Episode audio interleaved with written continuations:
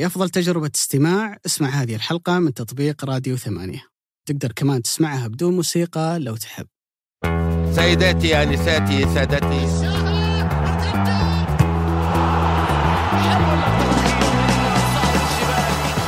والله ابو سعود ما ادري هو أنا شايب وأنت صغير ولا أنا كلاسيكي وأنت واحد؟ Modern. شوف يا أخي أوراق وقلم وأنت. iPad لازم وشغل تفتح على المباراة وتفتح على SofaScore وتفتح برضو على ال InStat. وفي وقت كذا ال- ال- السواليف يعني مثلا اضطريت لاعب بالغلط لازم تزوم عليه وتتكلم. آه okay. بس أنت من النوع اللي الله أعطاك ما شاء الله فصاحة في القول فما تحتاج لكل هذا. الحين قلبتها علي. لا جد لا، والله والله. والله أوريك إني أنا قديم شغل ورقه وقلم لا لا وما- والله صدقني بالي انت حتى ما تحتاج ما شاء الله يعني. وش. أقول وش اخلي الله يسعدك. الله يسعد قلبك. أنا وخرت- خربت أم ال Snap واخرت الكاس علشان ما اكبه لأني أدري لو جلس والله لكبه. السلام عليكم ورحمة الله وبركاته، أسعد الله أيامكم وأوقاتكم بالخير واليمن والبركات وحياكم الله. في حلقة جديدة من ملعبكم مرتدة الملعب السعودي اللي يهتم في كل شيء يدور في خلينا نقول الوسط الرياضي السعودي مرتدة اللي نحاول دائما نعطيك في ختام الجولة تلخيص كذا جميل للجولة في الدوري السعودي، نحاول دائما إن إحنا نملأ هذا الوقت اللي نعتقد جدا أنه ثمين. الا وهو وقتك في كل مكان تسمع فيه.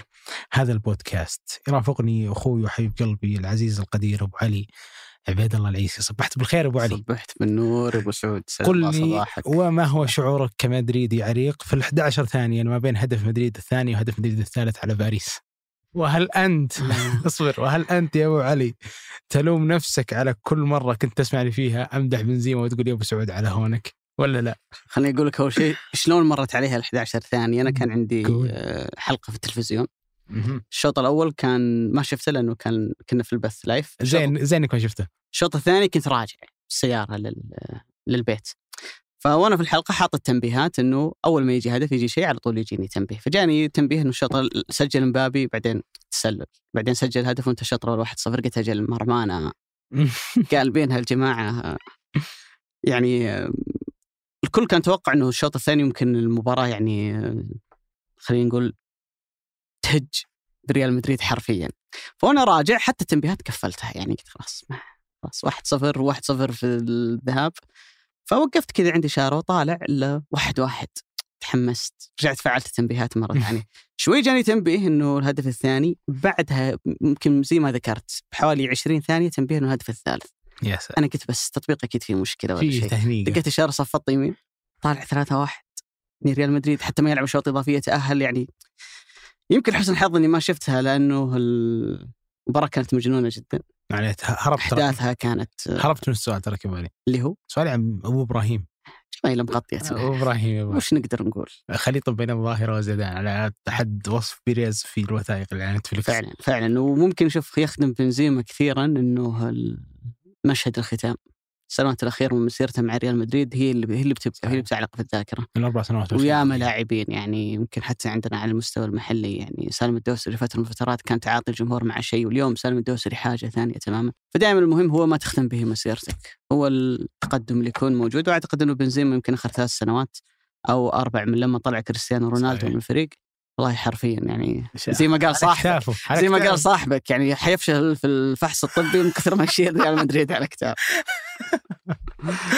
آه طيب أبو علي الجولة هذه كانت فيها مباراة آه، تعتبر من القمم من المباريات اللي خلينا نقول فيها منعطف مفصلي على مستوى الدوري.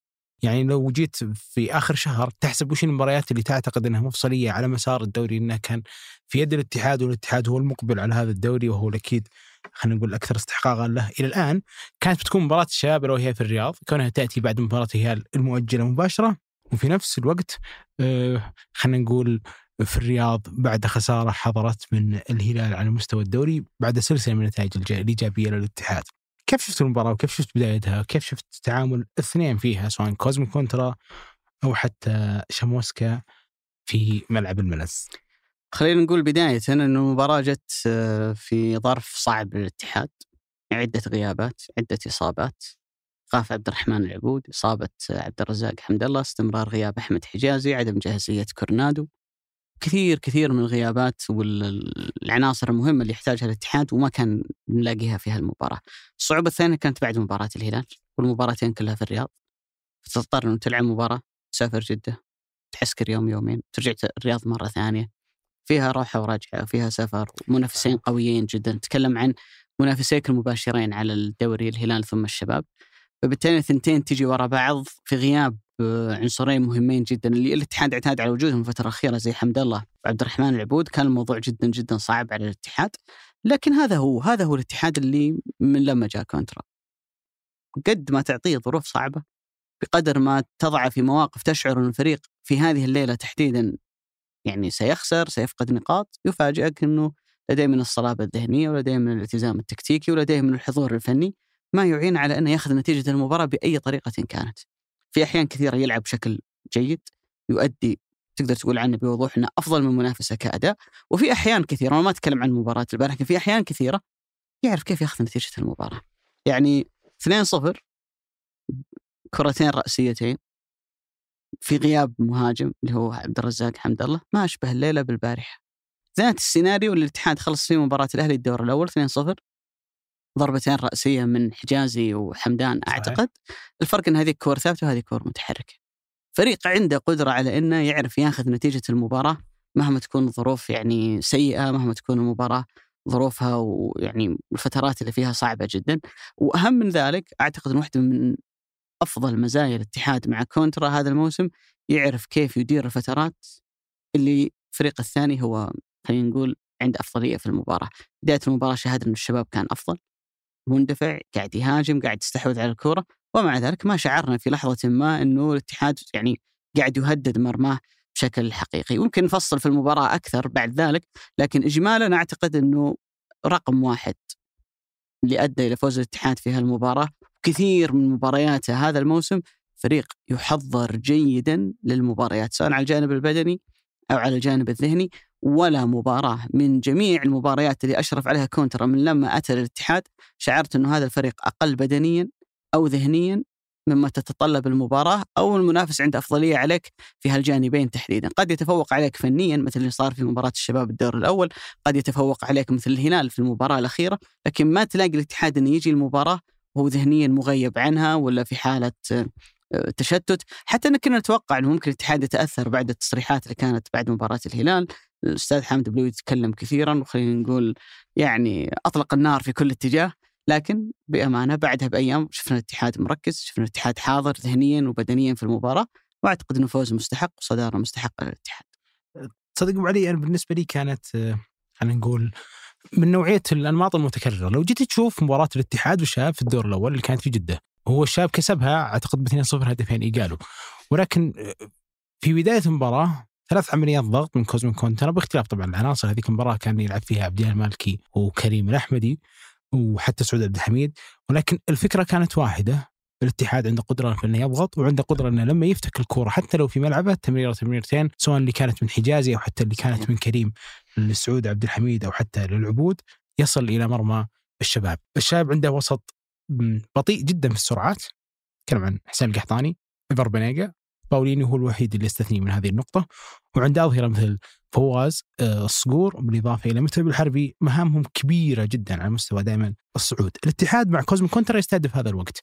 مساحات يتركها لي الشباب مثل ما ترك لي برضو الهلال وحاولت أجاريه في هذه النقطة وجريتها فعلا ووصلت تحديدا في هدف الاتحاد. ولكن الاتحاد كان يهدد الشباب بهذه النقطة. واللي اختلف اليوم أنه الاتحاد عنده قدرة رائعة وهو نمط خلينا نقول تدرج طبيعي لكمية العمل اللي عامله كوزمين كونترا. تشعرون عملية التدرج دائما في الضغط في الاتحاد ممتازة، يعني لو شفت رومارينيو يترك اللاعب الأول اللي كان يضغط عليه ويتجه في مسار الكرة تجد مثلا برونو هنريكي يتجه نفس اللاعب اللي كان يلعب مع man to man رومارينيو، أول ثلاث عمليات وصول صارت في هذه المباراة كلها كانت تقريبا اهداف. برونو هنريكي يضغط على حسين القحطاني يفك الكرة كمارا أربع ثلاث خطوات يعني خذ وقت مرمى مكشوف السناتر كلهم ماخذين خلينا نقول عرض الملعب عشان وقت بناء الهجمة وأهدرها كمارا هذا هدف محقق كان للاتحاد نفس معلش أبو سعود اربط لك بحالة كانت نسخة منها اللي هي هدف الاتحاد على التعاون في الدوري صحيح لكن الفرق الجودة. الله من أول إيه. لمسة خلص لكن ذات الفكرة. ضغط من العمق فك كورة باصين ثلاثة على طول. تلاقي نفسك تكررت نفس الشيء أبو علي في آه، اللي هي هجمه اللي ضغط فيها أربع لعيبة على إيفر بنيجا كنت تشوف أربع لعيبة كلهم ملازمين إيفر بنيجا لدرجة إن أخذ الكرة في عرض الملعب يحاول يلقى أي مساحة. ولا قدر وافتكت وبعد ذلك تحولت الكره عرضية. صارت في الم- المرة اللي أنتجت عليها هدف لما صارت عملية الضغط ياغو سانتوس عطى باص في عمق الملعب. أندريا من يفكها يحاول إنه يعطي الباص وبعد ذلك سجل الاتحاد الهدف اللي تقدم في المباراة. في اعتقادي وهو والله ما هو مبالغة.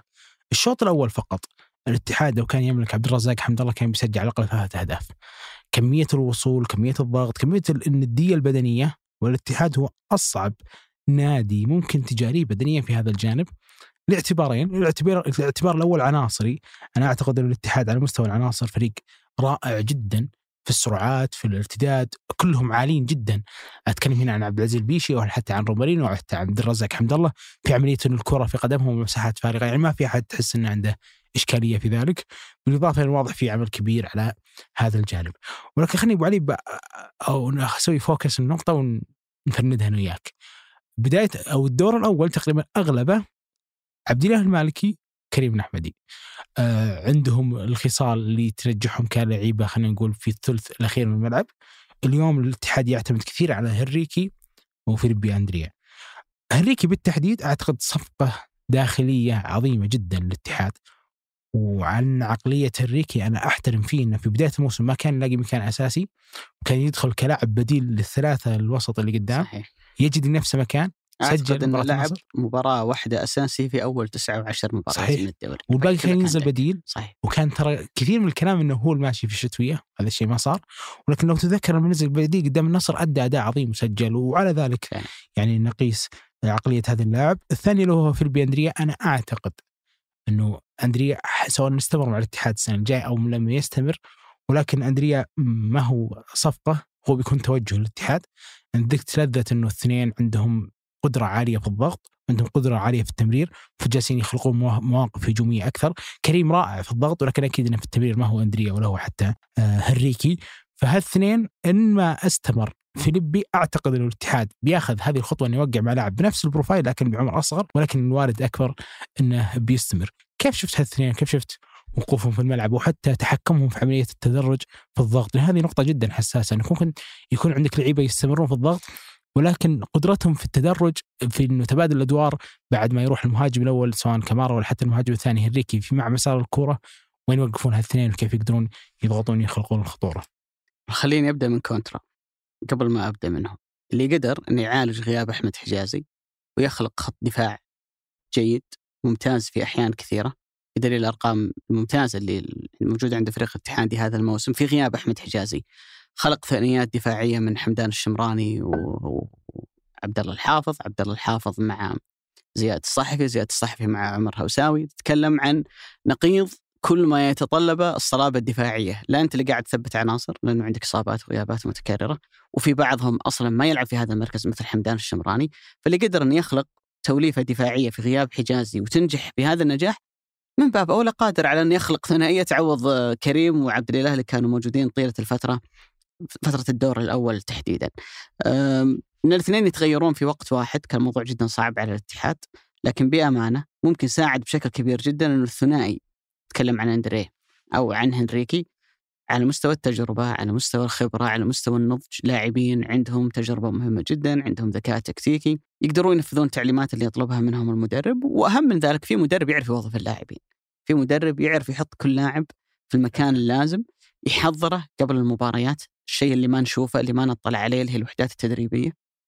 كيف يحضرهم يهيئهم، لكن مما تراه أنت في الملعب من جودة الأداء ومن حسن التوظيف وحسن التمركز يدلك إنه هذه الأشياء فريق تحضر عليها بشكل كبير جدا في الحصص التدريبية أرجع وأقول اللي إحنا ما, ما نقدر نشوفها لكن نقيسها من خلال الأداء اللي موجود على أرض الملعب.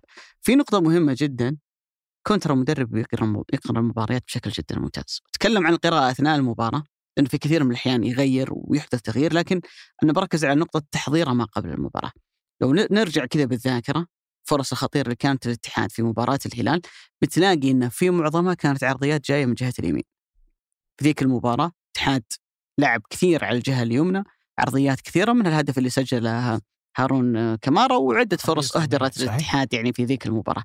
تروح مباراة الشباب تلاقي إن معظم الهجمات كانت تجي من ناحية اليسار، عرضية حمدان جت من اليسار، الكورة اللي هارون افتكها من ناحية اليسار وصدها فواز بعد ذلك سجلت ومعظم الهجمات كانت ناحية اليسار. استهداف فواز يعني كان فيها هو ليش هنا يستهدف يمين؟ ليش هنا يستهدف يسار؟ ينظر وين الجهة الأضعف في خط الدفاع، في الهلال علي البليهي وياسر الشهراني منطقيا أقل من الجهة اللي جانج مع أي واحد ثاني معه، وجود جانج في جهة خلاص الجهة هذه صعب جدا وأنت تفتك كورة فيها، فهو يركز على الجهة الأضعف اللي أنا ممكن إني أخترق وأوصل من خلالها. يوجه لها الضغط بحيث ان بالضبط. التمرير يكون عليها غالبا. وهذا يذكرني كثير صراحة في فيتوريا أبو علي اتذكر فيتوريا كان يضغط كثير على جانج وعلى ياسر الشهراني في حالة البناء أو عفوا على جانج وعلى محمد بريك عشان تتجه الكرة للطرف. وأنا كمان يذكرني بشيء ما ودي أتذكره يعني. لا أقول عادي كوارث فاران في مباراة ريال مدريد ومانشستر سيتي لما كان بيب يوجه ضغط دائما باتجاه فاران بالعكس هذه ذكريات حلوة يا أبو علي لأنه هو العنصر الأضعف فبالتالي هو اللي يغلط وبعد ذلك صحيح. تروح إذا بنقيسها من ناحية الأرقام تأخذ التمريرات الخاطئة من رباعي دفاع الشباب في المباراة تلاقي أن آم، أحمد شراحيلي ما عنده ولا باص غلط في نصف ملعب الشباب في المباراة. لو عنده تمريرات خاطئة فهي في نصف ملعب الاتحاد أنه يحاول أنه ينقل الكرة للأمام. أحيانا كثيرة ممكن تقطع الكرة أو ما تصل. آه، متعب الحربي عنده كورة واحدة كانت بعيدة كذا ناحية الطرف وما كانت خطيرة أو مؤثرة. لكن الأهم من ذلك ياقو عنده ثلاث كور وفواز عنده كورة. تكلم عن أربع أخطاء في عملية بناء اللعب.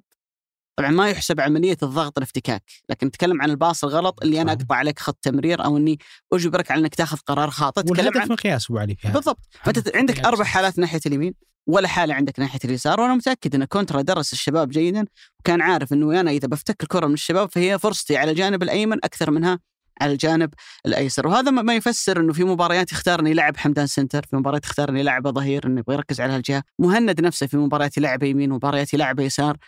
رجل يقرأ المباريات جيدا قبل ما يلعبها يعرف بالضبط أنا وش راح أسوي في المباراة يعرف إنه أنا راح أضغط من العمق راح أركز على جهه يمين أو يسار والأهم من ذلك إن الفريق لما يحصل على ما يريد إنه يقطع الكره عنده. حدة عالية جدا في إنه بأقصر الطرق الممكنة يصل إلى إلى مرمى المنافس، فهذه من الأشياء اللي تدلك إن كونترا عنده تحضير عظيم جدا للمباريات قبل ما يلعبها. ولكن آه، نتكلم عن كونترا يمكن الحديث يطول، لكن أتوقع إنه على الجانب الآخر إذا بناخذها كعناصر فردية هي واحدة من المباريات العديدة جدا اللي يفتح فيها باب الغزل على مصراعيه في أداء رومارينيو. امم الله علي قسم بالله هذا اللاعب يعني أنا أقول دائما من الأساطير اللي ما راح تستشعر قدرتهم وعظمتهم إلا بعد ما رحيلهم يعني أتوقع روما هو اللاعب طبعا الوحيد اللي عاش سوء أيام الاتحاد في اسوء تاريخه واليوم على عتاب إنه يعيش أيام مع الاتحاد على تحقيق الدوري. ولكن برجع لنقطة كوزمين كونترا كون إنه فعلا ادار المباراة بشكل كويس، لو تتذكر هو خاض مباراة بدنية صعبة وكانت في نصف نصف أسبوع يعني ما أخذ خلينا نقول عدد حصص التدريبية اللي هو يتعود عليها في كل آه، جولة إنه يأخذ على الأقل خمس أيام يحضر فيها فريقه. اليوم لا سافر الرياض ثم رجع يومين ثم رجع الرياض مرة ثانية وكلها قدام المركز الثاني والمركز الثالث اللي هو الهلال أو حتى الشباب كلها خارج ارضه فخاض مباريات بدنيا صعبة وعنده زاد بشري ناقص بشكل كبير على عدد الركائز اللي هو يفقدها. أعجبني في نقطة أبو علي إنه كان قادر يعني يكيف المباراة بالشكل اللي هو يحب. برفع الرتم رتم عالي جدا في بداية المباراة. بمارس الضغط على لعيبة نادي الشباب. أعي تماما انه الشاب يعاني من هذا الجانب بمقياس انه الشاب نفسه لما فاز عليه في الدور الأول عانى كثير مني في هذا الجانب. وأنا أعتقد فعلا لو كان يقالوا مش موجود في مباراة الاتحاد وشاب الدور الأول من الصعب جدا جدا على الشاب انه ينتصر لأنه الأهداف تقريبا كانت فيها حالات فردية، الهدف الأول أعتقد برضو كانت حاله فردية لايجالو، ولكن ليش أنا أقول إني معجب في إدارة كوزمين كونترا؟ استهدف الشوط الأول، حاول يرفع فيه الرتم، حرفيا حصلت له أربع فرص محققه للتسجيل سجل منها واحدة وهذا الأمر هو لا يلام فيه، كان إنه يفتقد عبد الرزاق حمد الله ويشارك بلاعب بديل مثل هارون كمارا. في الشوط الثاني لما خلينا نقول يتوقع أي مدرب إنه رتمي البدني بينزل وبناء على ذلك ممكن الشباب يحضر له بعض الأوقات اللي تكون مفصلية ذهنيا فيميل لها شفت تبديل صراحة؟ ممكن لو خسر الاتحاد بيلام عليه كثير آه، كوزمين كونترا من الأصوات الجماهيريه لكن هو التبديل فعلا بالنسبة لي منطقي وعظيم واستهداف ناجح. فانك خلاص بتترك الكرة لنادي الشباب تتراجع بأكبر قدر ممكن. فلما لما سحب فهد مولد واستخدم اللي هو الناشري في محور الملعب بالإضافة إلى خلينا نقول هنريكي واندريا. أغلق كل المناطق اللي أنت تتوقع انه بيجي فيها اللونج باص سواء من نوف العبد بعد ما ينزل من إيفر بنيجا فكان استهداف رائع جدا. ما اخذتها سالفة إنه أنت الأفضل وأنت اللي جالس توصل فالمفروض إنك تستمر على نفس الرتم وتخلي المباراة عبارة عن سرعات وتحولات والكسبان فيها أكيد النادي اللي خاسر نتيجة بحيث إنه بتزيد عدد خلينا نقول الأهداف اللي ممكن توصل للفريقين. لكن على النقيض تماما صراحة شاموسكا يعني الدخول والتعامل كل شيء بالنسبة لي في شاموسكا كان يعني عليه علامة استفهام. حتى في التصريح ترى بعد المباراة. مرة ما ما ما جاز كيف شفت تعامله؟ وفي البداية الشباب واحد من أكثر الأندية يعني اللي تعتمد بشكل كبير جدا على بناء اللعب من الخلف تدرج في عملية أن الباص الأول يطلع قصير من حارس المرمى وبعد ذلك تمريرات من المدافعين إلى أن تصل للأمام ولعل مشكلة الشباب خاصة في المباريات الكبيرة اللي يواجه فيها منافسين عندهم جودة عالية جدا في عملية الضغط في عملية آه، إغلاق مسارات التمرير بالنسبة لك. أنك أنت فريق تبغى تلعب بيلد أب بناء وأنت فعليا ما عندك لاعب بكواليتي عالي في هالموضوع إلا بأنيك. لا حارسك هو من الأفضل على مستوى التمرير ولا مدافعيك ولا يعني من الممكن أنه الفريق ترى يمشي لاعبين ثلاثة يعني قدراتهم متوسطة أو فوق المتوسطة في البناء، لكن على الأقل تحتاج كذا مفتاح، يعني مثلا في الهلال تتكلم عن عبد الله المعيوف أعتقد نتفق إنه أفضل حارس يمرر بالقدم في الدوري. تروح قدام عندك جانج واحد من أميز المدافعين في عملية البناء، ممكن فيه يعني صفات كثيرة في جانج لكن بالنسبة لي إذا أنا بحط رقم واحد من بين مدافعين الدوري فهو في مسألة البناء. تروح قدام في سلمان، في أك يعني في أكثر من محطة أنت تقدر من خلالها إنه تتدرج في عملية البناء. في الشباب فعليا ما في إلا بانيقا وش اللي يبغى علي؟ يعني خلينا نقول يخليك ما تعذر شاموسكا في هذا الموضوع. على صعيد عناصر يمكن حد يقول طب ما هذه عناصر وش ممكن يسوي؟ نفس هذه الحالات لكن المختلف إنها هنا اليوم تسجلت عليك قدام الاتحاد في الدور الثاني بينما في الشوط في الدور في الدور الأول. في الشوط الأول الاتحاد وصل أكثر منك ثلاث مرات بما فيها حقت ايجور بما فيها حقت العبود هدد مرماك بنفس الفكرة. ورغم ذلك ما تعاملت معه بالشكل المطلوب نزلت بنفس التشكيل بنفس الأسلوب. أسهل شيء ممكن إنه يضرك فيه الاتحاد هو عملية الضغط عليك في هذا الجانب. شوف هو ممكن لو الشباب عنده مهاجم تسعة ايجالو لو لسه موجود أو جون ماري ممكن انه يختار انه يلعب الكرات الطويلة من الخلف لكن لما نختار انه يلعب تسعة اللي هو بين المدافعين لاعب زي تركي العمار. هنا تنتفي فرصة إني أنا أعتمد على الكرات الطويلة من الخلف من اللي بيأخذ الكرة الطويلة؟ من المدافعين وينزلها وبعد ذلك أعمل على إني أخذ الكرة الثانية وأصنع منها خطورة. ما في. صعب جدا عمليه التمرير الطويل من الخلف يجي لما ما يكون عندك لاعب محطة في الأمام. وهو اللي كان يعني منطقي جدا بسبب عدم وجود مهاجم وبرر شاموسكا بعد المباراة قال إنه حتى فيتو اخترت إنه ما يلعب لأنه ما تمرن له تمرينين قبل المباراة وما كان جاهز بشكل كبير، أنت تاخذه من بداية الموسم هذا ترى هو أسلوب الشباب.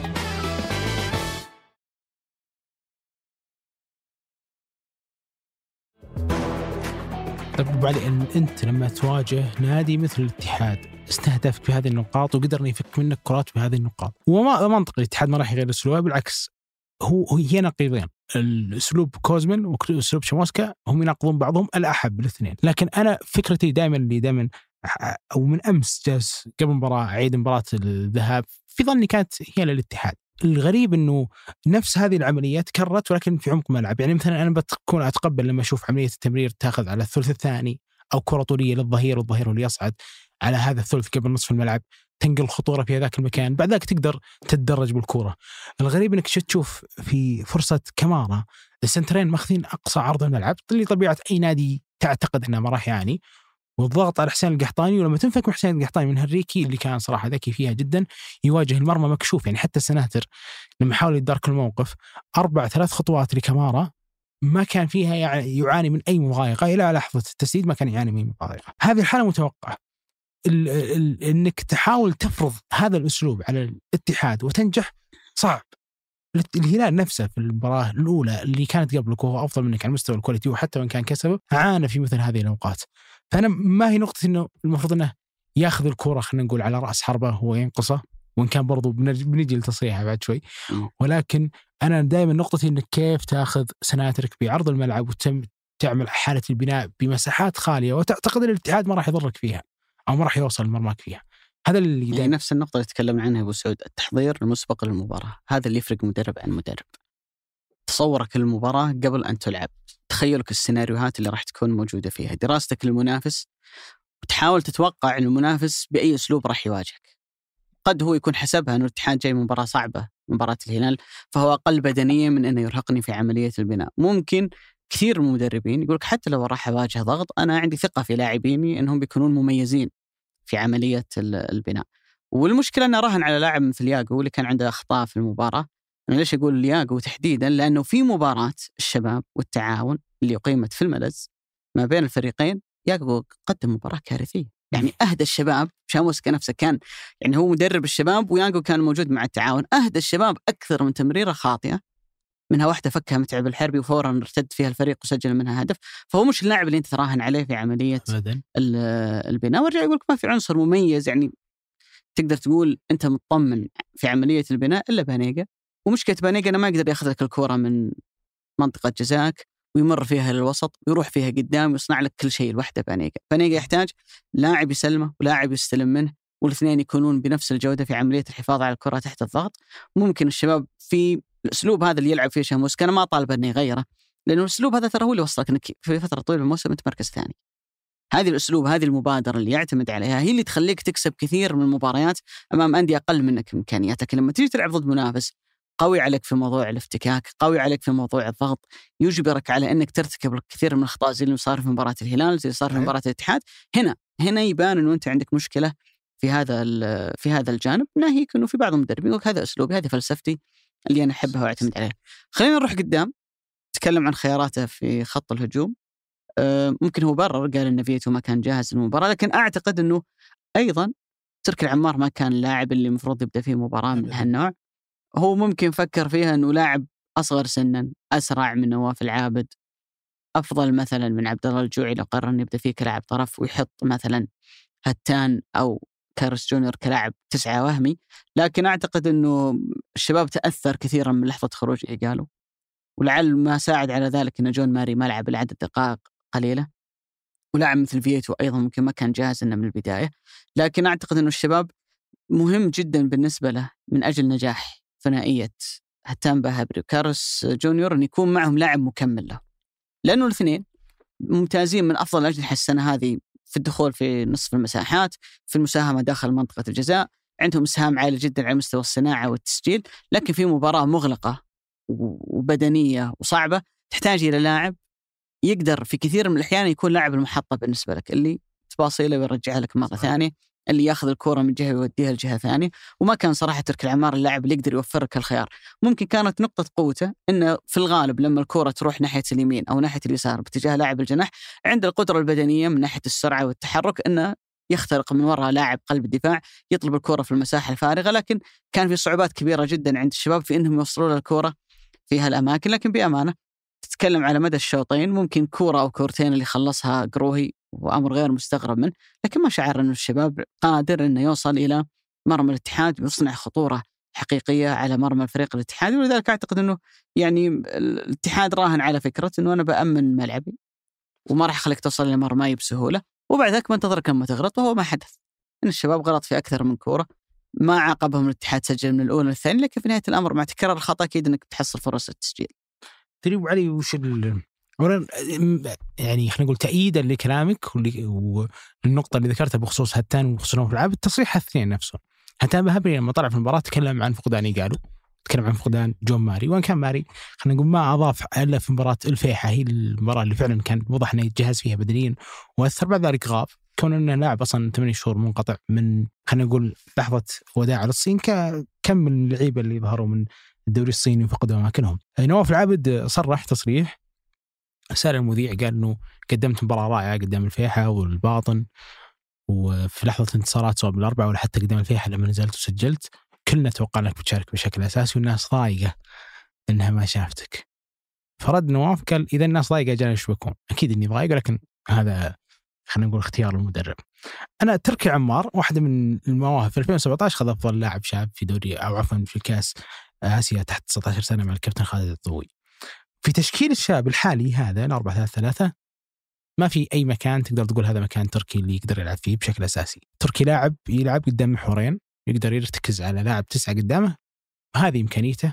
وأعتقد أنه ظلم كثير في خلينا نقول مسألة شاب له ثلاث سنوات ما لعب في هذا الجانب. ولما يحتاج الشاب أي لاعب في أي مكان ينقصه في الثلث الهجومي تركي هو اللي يكون معوض فما يكون بالشكل هو مطلوب. ولكن لما نحللها ونشوف وش اللي خلى واحد مثل شاموسكا يختار هذا الاختيار لتركي العمار في لاعب التسعة. نواف العابد أعلى بكثير في لحظة استلام الكرة من حاله الثبات. فنواف لما يستلم الكرة ويكون لاعب ثابت ويحاول إنه يدور بعد ذلك يكون الملعب في ظهره أصلا فيعطي ال double pass سواء مع بانيجا أو حتى مع باولينيو أو يدور وتجي فرصة إنه يلعب long pass لأطراف الملعب هو أعلى بكثير على مستوى التسديد هو من أعلى اللعيبه السعوديين آه، خصوصا حتى قبل إصاباته المتكررة وحتى على مستوى خلينا نقول المهاره الفردية بالكوره فنواف كان اختيار رائع جدا. ممكن يناسبه كثير. أنا أتفق تماما مع شموسكا إنه واحد مثل جونيور وواحد مثل هتان ما راح يتغيروا أماكنهم. كانوا من الأطراف الأساسية فما راح أغيرهم مكانهم. لكن في هذا المكان دامني فقدت واحد مثل جون ماري وفقدت فييتو لأنه عنده خلينا نقول على حد وصف شموسكا حالات انتفاخات في الركبة. ولما شارك فييتو على فكرة ادى في ظني أنا أداء طيب. يعني كان ممكن يشارك فيه بس okay خلينا نلتمس عذر في هذا الموضوع. اختيار تركي العمار أنتج عنه شيء متوقع. طبعا مو بعيب في تركي عيب في اختيار شاموسكا نفسه. ألا وهو أن الشباب شوط كامل 45 دقيقة ما سددوا ولا تسديده على مرمى قروهي التسديدة الوحيدة كانت تسلل. كانت كرة طولية من ياغو سانتوس سددها جونيور وكان يدري إنها تسلل فما تحسب.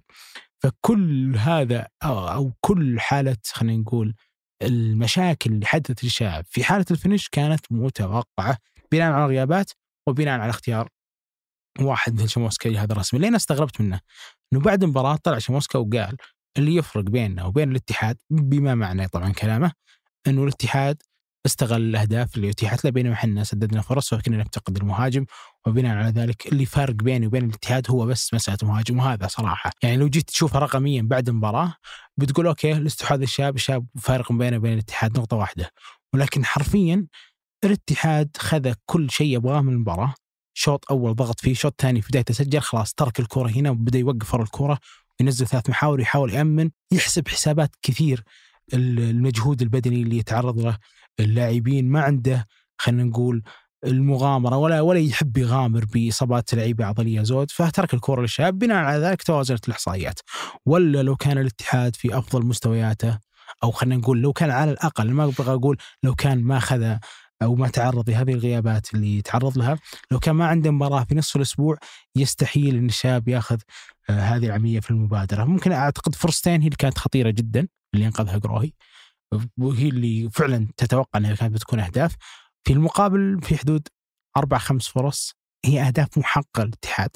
يعني في منها حتى أهداف ممكن تكون غير محققة لو كان لكن لو كان واحد مثل حمد الله موجود أكيد إنها آه، بتتسجل. هم نقيضان شاموس كمدرب يراهن كثير عنه يمسك الكورة ويحاول يفرض استحواذه. فشل فشل ذريع قدام الهلال في المباراة اللي بعدتها بالخمسه قدام الدوري. فشل فشل ذريع قدام الاتحاد. على مدار الموسم كله ممكن يكون أخذ نتائج طيبة. مرت عليه سلسلة أعتقد عشر مباريات ما خسر فيها. تعرض لحالات غيابات غير متوقعه ولكنها صارت. أتكلم هنا عن ما هي غيابات بقدر ما هي انتقالات مثل انتقال واحد مثل إيجالو. لكن في العموم أنا ما أراه ابدا قدم مباراة جيدة مثل ما هو يوصف. أرى أن الاتحاد هو اللي أعطاه هذه الفرصة بعد ما أخذ كل شيء يبغاه من المباراة. ما ودي أكون قاسي عليه لكن حرفيا هذا هو اللي خلينا نقول صار في عملية حسابات شاموسكا أنا ودي أنقل الحديث آه، إلى رومارينيو. ويحلو صراحة الحديث عن رومارينيو بأمانة هذا الموسم إنها كانت مباراة واحدة من المباريات اللي أنت لا تلاقي فيها عبد الرزاق حمد الله ولا كورنادو ومعظم مفاتيحك الهجومية مش موجودة فالارتكاز يكون بشكل كبير جدا على لاعب مثل رومارينيو. الهدف الثاني تحديدا فريق الاتحاد اللي سجله رومارينيو يوضح لك لو بترجع تشوف سيناريو الهدف يوضح لك ماذا يمثل رومارينيو بالنسبة للاتحاد. في بداية الهجمة كان هو اللي راح ضغط على الحارس ما نجحت عملية الضغط، بعد ذلك تراجع إلى وسط الملعب. كرة قطعها الفريق الاتحادي كان هو اللاعب أقرب لاعب إلى مرمى الفريق المنافس هو اللي يسند ياخذ الكرة ويرجعها لك مرة ثانية. الكرة بعدين لما الاتحاد حاول إنه يميل ناحية اليسار كما هو معتاد كان أيضا ساهم في عملية خلينا نقول تطوير الهجمة أو بناء الهجمة وبعد ذلك لما لعبت الكرة بشكل عرضي كان هو اللي ختم الموضوع ولعبها رأسية آه، في المرمى. اجمالا رومارينيو آخر 16 مباراة لعبها مع الاتحاد هذا الموسم عمل هدف أو assist يعني سوى له مساهمة في المباراة عارف كم؟ 14 مباراة من آخر 16 يعني مباراتين بس. كانت مباراة التعاون واحد واحد اللي سجل فيها عبد الرزاق حمد الله ومباراة الاتحاد والاتفاق 3 2 اللي الاتحاد قدر إنه يقلب فيها النتيجة على الاتفاق. باستثناء ذلك آم، كل المباريات 16 الأخيرة رومارينيو إما يسجل أو يصنع في حضوره مع فريق الاتحادي.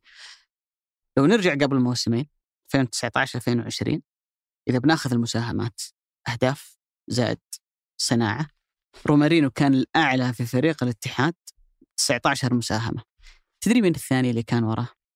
ويلفريد بوني بستة أهداف. يعني شوف الفارق من 19 إلى 6 الموسم اللي بعده اللي هو الموسم الماضي 2020 2021 أعلى لاعب مساهمة كان رومارينيو أيضا 19 تتكلم عن 16 هدف وثلاثة assist. اللي كان وراه بريكوفيتش تسع مساهمات يعني شوف كمان فارق بين 16 و... وتسعة. هذا الموسم خلينا نتكلم عن الثاني في المساهمات اللي هو كورنادو عنده 12 مساهمة. رومارينيو لحد الآن والدوري لسه باقي فيه بالنسبة للاتحاد ست مباريات وصل إلى 21 مساهمة. يعني ما بينه وبين أقرب واحد له في تسع مساهمات. تكلم عن سنة. جاك في الشتوية عبد الرزاق حمد الله وجاك بداية الموسم كورنادو وتعاقد فيها مع مهاجم ممكن أفضل من اللي كان موجود عندك في السنوات الماضية وإن كان ما ناجح بشكل كبير جدا اللي هو يوسف نياكاتي ومع ذلك لا يزال رومارينيو محتفظ الرقم الثالث بالرقم الثابت إنه هو دائما الأعلى في الفريق في الإسهام. تتكلم عن 19 الآن 21 هدف. ودائما ما هناك فارق واضح ما بينه وبين أقرب لاعب. يدلك ان عنده قدرة مهما يتغير المدربين مهما يختلف الزملاء مهما الاتحاد يكون في وضعية في سنوات وضعيته أقل. أو السنة الماضية ينافس على مركز آسيوي أو السنة هذه يستهدف الفوز بالدوري دائما رومارينو هو ثابت. اللاعب اللي ما يتأثر أداءه وأرقامه بصعود أو نزول الفريق هذا لاعب عملة نادرة. بدليل إنه مثل ما ذكرت الان هو فارق بس هدفين يعني مساهمتين عن رصيده في الموسم الماضي واللي قبله. فعليا اللي كان ثابت في الاتحاد خلال السنوات الماضية هو رومارينيو. السنة هذه الفريق هو اللي ارتقى لمستوى رومارينيو ولا رومارينيو هذا هو مستواه وهذا هو تأثيره وهذا هو ثباته. من الأرقام اللي لابد أن تذكر إنه هذا هو أعلى موسم رومارينيو على مستوى صناعة الأهداف في الدوري وصل لحد الآن إلى ست مساهمات، السنوات الماضية كان ثلاثة أربعة ما كان عنده إسهامات كبيرة على مستوى الصناعة تحديدا، وهذا عامل مهم جدا لما يكون عندك مهاجم تسعة بارع زي حمد الله يعني يكون في تعاون وتفاهم ما بينه وبين اللاعب اللي أمامه. أيضا المفارقة style رومارينيو و style متكرر عندنا في الدوري. الموضوع بدأ مع إدواردو. الآن مع رومارينيو حاليا في النصر تاليسكا. تتكلم عن لاعبين له لاعب عشرة وله لاعب تسعة وله طرف وله يعني ما تقدر كذا تحط له توصيف معين لكنه لاعب فتاك. وأنا هنا دائما عند اللاعبين اللي مثل هالنوعية أقول يعني خلي التكتيك على جنب وخلي الرسم الخططي على جنب. أنت. تعطيني هالتأثير العب. والعب زي ما تحب. لأنه كرة القدم في, في الأساس هي تهدف إلى الفوز. تهدف إلى تسجيل أهداف واللاعب يصنع لك فارق واللي يحدث لك هذا التأثير أنت لابد إنك تبني الفريق عليه. وأنا بأمانة أكثر نقطة عجبتني في رومارينيو إنه لا تأثر بوجود كورنادو في الفترة الأولى خاصة لما كان الاتحاد في فترات كثيرة يلعب دون مهاجم. كان هو اللي يصنع لك التأثير الهجومي. ولا تاثر بوجود. لاعب تسعة زي حمد الله يضطرك إنك ترجع ورا تتخلى عن كونك أنت غالبا اللاعب الأقرب إلى مرمى المنافس. تبغاه هنا يلعب تبغاه هنا يلعب يفتك يضغط يسجل يصنع. تبارك الله لاعب متكامل. أم، وأنا أكثر ميلا مع إنه باقي في ست جولات إلى إنه رومارينو في ظني حسم أفضلية هذا الموسم. نتكلم عن أفضل لاعب في الموسم. يعني المنافسين اللي ممكن قريبين منه كورنادو ممكن غاب للإصابة لكن تاليسكا قدم موسم أكثر من رائع. إيجالو قدم موسم أكثر ممتاز. لو ما ورونا شيء خلينا نقول لك مذهل أو خارق في الجولات القادمة أعتقد اللي سواه رومارينو في ال 24 جولة الماضية. أنا بالنسبة لي تخليني من الآن أقول هو لاعب الموسم الأول. أنا أتفق معك تمام هو لاعب الموسم الأول وحتى لو قدموا أي ون أي من اي قالوا أو حتى تاليسكا الاعتبار إنه الحالة اللي مر فيها روما اليوم ما هي حتى بس تقتصر على التهديف يعني مثل تاليسكا ويقالوا ويقالوا بالتحديد قيمتهم الأولى دائما في التسجيل. إن قدموا مباريات عظيمة عرفنا إنهم بيكونوا يسجلون عكس روما. هو لاعب رائع جدا في عملية الضغط وهذا الأمر اللي اليوم بين فيه عملية ذكاء مرعبة. لما يحاول إنه خلينا نقول يقرأ مسار الهجمة ذكاءه دائما رائع. دائما تشوفه يترك اللاعب الظهير إذا كان يحس إن الكرة ما راح تتدرج له ويحس إنه لاعب مثل عبد العزيز البيشي هو اللي بيتوجه له. فذكي جدا في عملية الرقابة أو حتى عملية الضغط. وهذه قيمة بانت في رومارينيو المتكامل هذا الموسم. إنه الاتحاد طوال السنين الماضية كان إما يترك الكرة أو حتى كان يعاني على عملية حتى خلينا نقول استعادتها فما كان يبان هذا الشيء في روما. على مدى المساهمات في الموسم إذا جيت تشوف من هو أكثر لاعب ساهم بالأهداف في هذا الموسم هو رومارينيو ب 21 هدف إلى اليوم على مستوى صحيح. الدوري في الاتحاد وفي الدوري ككل. في الاتحاد وفي الدوري ككل. على الرغم أبو علي من إنه خلينا نقول في الكثير من الأيام كانت تمر في الاتحاد ما تساعدك كثير انك تظهر هذا الظهور آخرها يوم أمس. يعني يوم أمس كانت المعدل هذا ممكن يرتفع لو كان حمد الله معه تحديدا على مستوى الصناعة أو حتى في مباراة الهلال الماضية. فروما لاعب عنده القدرة عظيمه إذا طلع في أطراف الملعب واستلم كره يعطيك كرة عرضية حريرية كذا تقدم الاتحاد أكثر من خطوة في عملية الت- التسجيل وحتى في عملية الأسيست. إذا كان داخل في منطقه جزاء ومتمركز فيها وماخذ كل وقته فيها وبيستقبل هو الكرات العرضية تلقى دائما توقيته أصعب على أي مدافع. بما فيها الهدف اللي خلينا نقول صار أمس لو تلاحظ فوز قرني أخطأ في التوقيت صحيح ولكن روما برضو كان رائع جدا في عملية التوقيت وأخذ الكرة الرأسية. في الكرة بدون الكره في العمل التكتيكي على مستوى خلينا نقول الضغط بدون الكره روما هو لاعب متكامل عنده عقلية رهيبة ما يتأثر دائما في عملية حتى لو أهدرت فرص على الاتحاد. وهذا الشيء صراحة يشبه فيه قروهي يعني قروهي عنده ذا العقلية إنه مهما كانت مسار المباراة صعب ما تحس إنه يتأثر في مسار هذه المباراة. لما تهدر عليك فرص دائما في وقت آه، ما ودي أقول بس إنه الحالة الذهنية للفريق كله صحيح. يحاول يتقبل هذا النوع من الأفضلية إنها تروح للمنافسه. رومارينيو وقروهي هم العكس على ذلك، يعني قروهي أمس خمس تسديد- تسديدات تعرض لها فقط في الشوط الثاني، منها أربع كانت في ثلث الشوط الأخير. الخمس كلها مسدده من داخل المنطقة، مع انه كمل المباراة وهو مصاب. مع انه كم مباراه هو مصاب، يعني خلينا نقول آه بين الشوطين سخن الحارس والعاده الحارس احتياطي ما يسخن إذا عنده خبر هو إنه تكلم. قال أنا بسوي اشعه عشان أتأكد من إصابة صحيح. خطيرة أو لا يعني يدلك إنه كمل المباراة هو عارف إنه عنده إصابة الاتحاد ابدا ما هو زا يعني ما هو ناقص غيابات كبرى زود ولكن خلينا نقول خصلة العقلية هذه العظيمة هي واضحة عند البرازيليين بشكل كبير.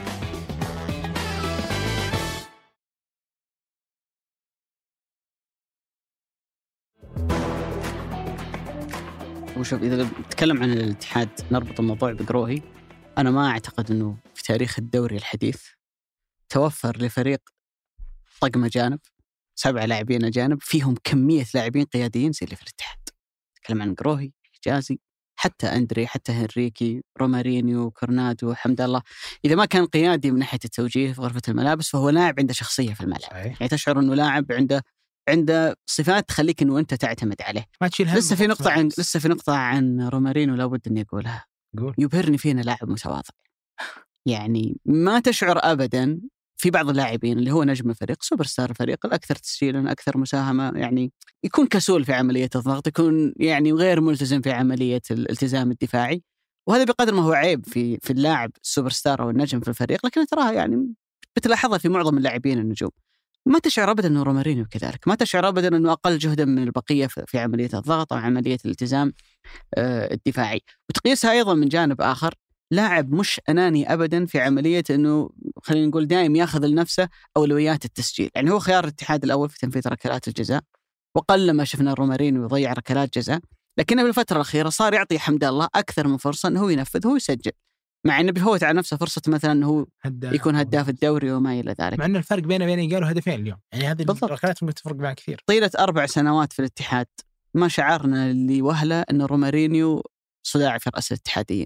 من ناحية تجديد عقد من ناحية مشاكل من ناحية لاعب مسالم لاعب يتكلم داخل الملعب. حتى على مستوى التصريحات قل لما نشوف رومارينيو بعد المباراة يصرح مع المراسلين أو ما إلى ذلك. تصدق أبو علي في هذه النقطة تحديدا أمس كنت في الاستديو مع عايض مبخوت. عايض مبخوت هو اللاعب ال- أو الرجل اللي كان مدير التنفيذي في نادي الجزيرة اللي خذ رومارينيو من الجيش القطري.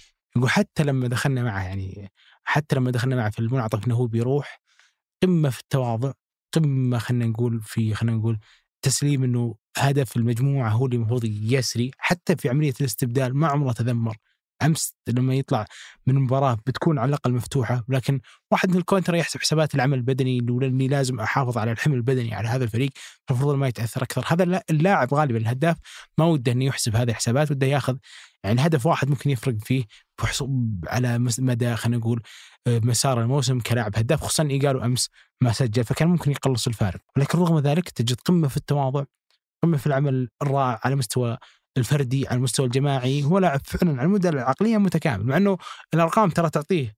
أنا أقول فرصة إنه ممكن يصير مغلوب. صحيح. شوف أنا بربط رومارينيو مع لاعبين. أتوقع كلهم تحبهم يا أبو سعود. الأول دي, دي بروين. آه. لما تكلم بيب جوارديولا في فترة سابقة قال عن عملية تجديد آه، عقد دي بروين قال إنه الموضوع سهل جدا. إذا ما كنت مخطئ قال إن اللاعب أصلا ما عنده وكيل أعمال يعني هو صحيح. هو يتفاوض بنفسه وعملية التجديد معاه جدا سلسة. الهلال على سبيل المثال لما جدد مؤخرا عقد سالم الدوسري وأعتقد إنه أعلى مرتب للاعب سعودي حاليا ما كان في أي تسريبات إنه سالم بيروح سالم قاعد يساوم النادي يرفع السعر. تكلم عن رومارينيو وعن سالم عن دي بروين في نماذج كثيرة بس ناخذ هذه كالتقاطات مستواك هو اللي يخليك تحط الرقم اللي تبغاه على الشيك. وانت تضحك مستواك بالمقام الأول لا إعلامي لمعك لا ناس تحاول تسرب إشاعات سويت like الفريق مدري مين عملت retweet المدري مين الحركات اللي قاعدين نشوفها مؤخرا.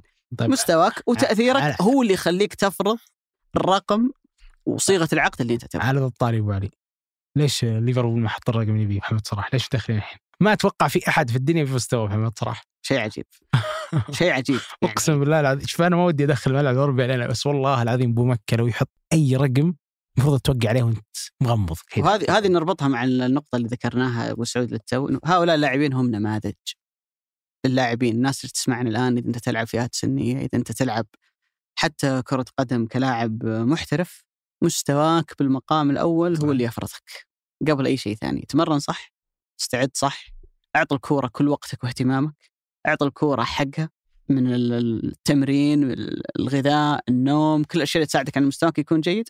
وبعد ذلك حتكون في موقف قوة في إنك تتفاوض في إنك تطلب الرقم اللي تبغاه أكثر من إنك تعتمد على أي شيء آخر. أنا بعطي نقطة أخيرة بخصوص ملف الاتحاد أبو علي والشباب. الاتحاد بقت له 14 نقطة من ست جولات قادمة، إذا حصل هال 14 نقطة بدون ما يلتفت لنتيجة أحد هو بطل الدوري. من ست جولات قادمة بتكون حزم وباطن وهلال على أرضه، طائي واتفاق وفتح خارج أرضه. كيف تشوف المشهد في الدوري؟ منطقيا الاتحاد في يده إنه يخسر من الهلال. ويفوز في الخمس مباريات المتبقية ويفوز بالدوري. هذا على فرض إن الهلال راح يكسب كل المباريات. لكن إذا أنت بتحسبها بناء على هذا الأساس أعتقد الاتحاد عنده القدرة على إنه يكسب آه، جميع الأندية اللي موجودة أمامه. بيرجع آه، كورنادو بيرجع عبد الرزاق حمد الله. من هنا إلى ما بعد شهر رمضان. الله يبلغنا وإياكم شهر رمضان لا فاقدين ولا. مفقودين. آه، الاتحاد ما راح يكون عنده إلا مباراتين. مباراة الحزم القادمة ومباراة في بداية الكأس. رمضان في كأس الملك م. أمام نادي الفيحاء طيب وش المباراة أبو علي اللي تقول غير الهلال إذا اعتبرنا الهلال هي القمة الأكبر اللي ممكن تحدد مس... يعني إذا ما خسرها الاتحاد فاز بالدوري وش المباراة اللي تقول هذه المباراة برضو ممكن تكون ما هي سهلة على الاتحاد شوف أنا أكثر ميلا إنها مباراة الطائي أنا أميل كثير لمباراة أولاً عشان سيارة. سيارة. يعرف الاتحاد جيدا مم. فريق يعني عنده القدرة إنه يلعب ضدك مباراة دفاعية ومن أخطر الفرق في استغلال الكرة الثابتة. فيعني عنده مقومات وصاد الكبار يعني قبل كل شيء. أنا أرشحها ب ما ودي أقول الكلمة يزعلون علي أهل الحايل. ما هو ما, هو لأنه قد لكن أتوقع أن الطاي هو اللي بيكون الهابط الثالث مع الباطن. و... ما أتمنى. ولا أنا والله. ما أتمنى لأنه سنوات. طويلة ما شفنا الطايف الممتاز فما ودي إنها تجربته تكون سنة. البداية ارهقتهم والله والله البداية ارهقتهم كثير. خسارة النقاط اللي صارت بداية الموسم ارهقتهم كثير. ولكن أنا أتوقع إن المباراة الأصعب على الاتحاد اللي ممكن تكون يعني خلينا نقول مع مباراه الهلال آه، ما هي ما هو ما هو شيء ما هو مباراة اعتيادية هي مباراة الفتح في الحسا.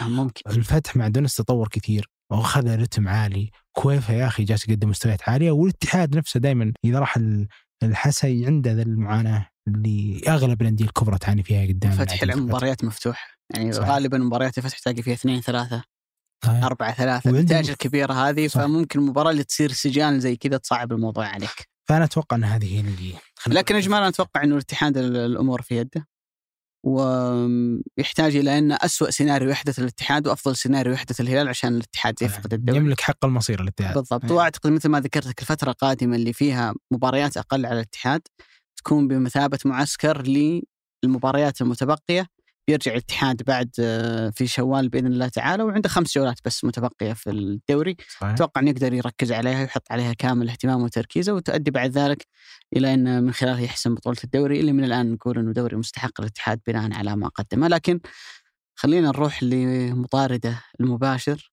يعني أعتقد مباراه الهلال والنصر اللي كانت في الدوري مباراة الأربعة. في ظني إنها طلعت النصر من سباق المنافسة على الدوري ومباراة اتحاد الشباب الأخيرة أيضا أخرجت الشباب. صحيح. فواضح بالنسبة لنا إنه من هنا إلى نهاية الدوري هو سباق هلالي اتحادي بالمقام الأول. الهلال كان عنده مباراة مهمة هذا الأسبوع أمام الرائد. عانى فيها الهلال نت- نتيجتها في خلينا نقول لحظاتها الأخيرة. انت شلون شفت المباراة يا أبو سعود؟ أول ما نزلت القائمة أبو علي انصدمت صراحة. يعني أتذكر إنك سألتني وقلت لي وش ممكن كيف يمكن يوظف ذلك قلت مستحيل إنك تشوف آه، الأطراف تخلو من سالم ومريقا ولا كنت متصور ابدا ان هي بيدخل في هذا التشكيل وش المشكلة معي عندي في هذا التشكيل؟ اولا رامون دياز قاد هذه الفترة بقدرة مرعبة أخذ أفضل نتائجها ست مباريات متتالية، لكن ما كنت متصور ابدا دياز بيستغني عن واحد مثل كاريو في عمق الملعب على كم الكمال اللي قدمه كاريو. الشيء اللي زاد آه، استغرابي على مستوى التشكيل حتى والله قبل ما تنزل المباراة بغض النظر عن الاداء اللي صار، إنه لو تجي تشوف مثلا كويلار مكانه مع منطقي ومعروف، سلمان مكانه منطقي ومعروف، محمد كنو. محمد كنو على مدى السنوات الأخيرة اللي لعبها مع دياز سواء 16 و 17 عانى كثير من هذا المركز في الوقت اللي كان يحضر فيه بديل ميليسي. ال- الإشكال الأكبر كان بالنسبة لي هو اختيار أطراف الملعب كاريو وماثيوس بيريرا. وش أكبر قيمة فيهم لو قلت هذا اللاعب تتمنى انه يلعب فيك ككاريو حتى كماثيوس بيريرا. يعني كاريو كلاعب طرف حلو على مستوى الأطراف مراوغات لاعب ضد لاعب. وبيريرا بيريرا في ال assist أكيد يعني. كلها تستبعد دائما انهم يقدرون يشوتون على الباب. كاريو على مدار السنين الناجحة ما كان لاعب رائع في التسديد. وبريرا طوال سنين مع بروميتش وحتى في إعارته الفار- فرانكفورت ما خانتني الذاكرة ما كان عالي على مستوى التسجيل. وأمس تلاحظ كل اللعب كان موجه لإيجالو نهاية الهجمة للهلال مرة مكشوفة. يعني حتى لو كان في الشوط الأول مستحوذ بنسبه وصلت 81% ولكن مسار الهجمة قراءتها سهلة جدا على أي مدافع. إنه عندك كم من اللعيبه الفنانين كلهم رائعين في عملية التمرير ولكن كلهم ما يقدرون أو ما يرغبون دائما إنهم يواجهون المرمى. الأمر اللي كان خلينا نقول إيه يخفف على الهلال الكثير من إنه ما يواجه هذه المشاكل قدرة واحد مثل مريقا إنه دائما ياخذ الكرة إما بثلاث خطوات عن الظهير فيوجه المرمى بشكل مفتوح للقدم اللي هو يحبها. القدم اليمين وهذا اللي فعلا سجل منه هدف الشباب الماضي وحتى الهدف أمس الكره ساقطة. أو واحد مثل سالم الدوسري يلعب لك الباص القصير فترجع له فيكشف كم الفراغات اللي ممكن يسدد ويسدد سالم. وعلى مدار تجربة نفسها رامون دياز في المرة الماضية لو جيت تشوف نواف العابد وكارلوس إدواردو كلهم كانوا عاليين عن في عمليه التسديد. فما كنت أتوقع إنه دياز بيستغني عن هذا الثنائي وبيخلي أطراف الملعب كلها فقط عندهم القدرة في التمرير وتكون الهجمة موجهة لإيجالو ومكشوفة في هذا الجانب. الهلال عانى كثير يعني لو جيت وقفت إلى ما قبل الدقيقه 63 هي تس- تسديدتين فقط معدلها كأهداف ما هو عالي سواء لرأسية إيجالو أو حتى للتسديدة اللي سبقتها على المرمى كلها كانت سهلة للرحيلي. في الدقيقه 63 لما حدثت عملية التبديلات حدثت لمعالجة هذا الخطأ اللي وقع أصلا في عملية اختيار قائمة التشكيل الأساسي. دخول ماريجا وميشيل لعبة أطراف. غالبا ميشيل السنة الماضية معدل التهديفي كان مرتفع. ماريجا هو هدافك هذا الموسم. إذا كنت تتكلم بس على الاهداف في شعار الهلال. والأهم من ذلك إعادة كاريو إلى خلينا نقول النسخة أو التمركز الأعظم والنسخة الأعظم بالنسبة له. ألا وهي كلاعب واحد من ثلاثة لعيبة في وسط الملعب. بس هي ست دقائق. من بعد هذا التبديل long pass كاريو. سعود عبد الحميد سعود عبد الحميد لاعب حر عرضية اللي قالوا هدف محقق ولكنه أهدر.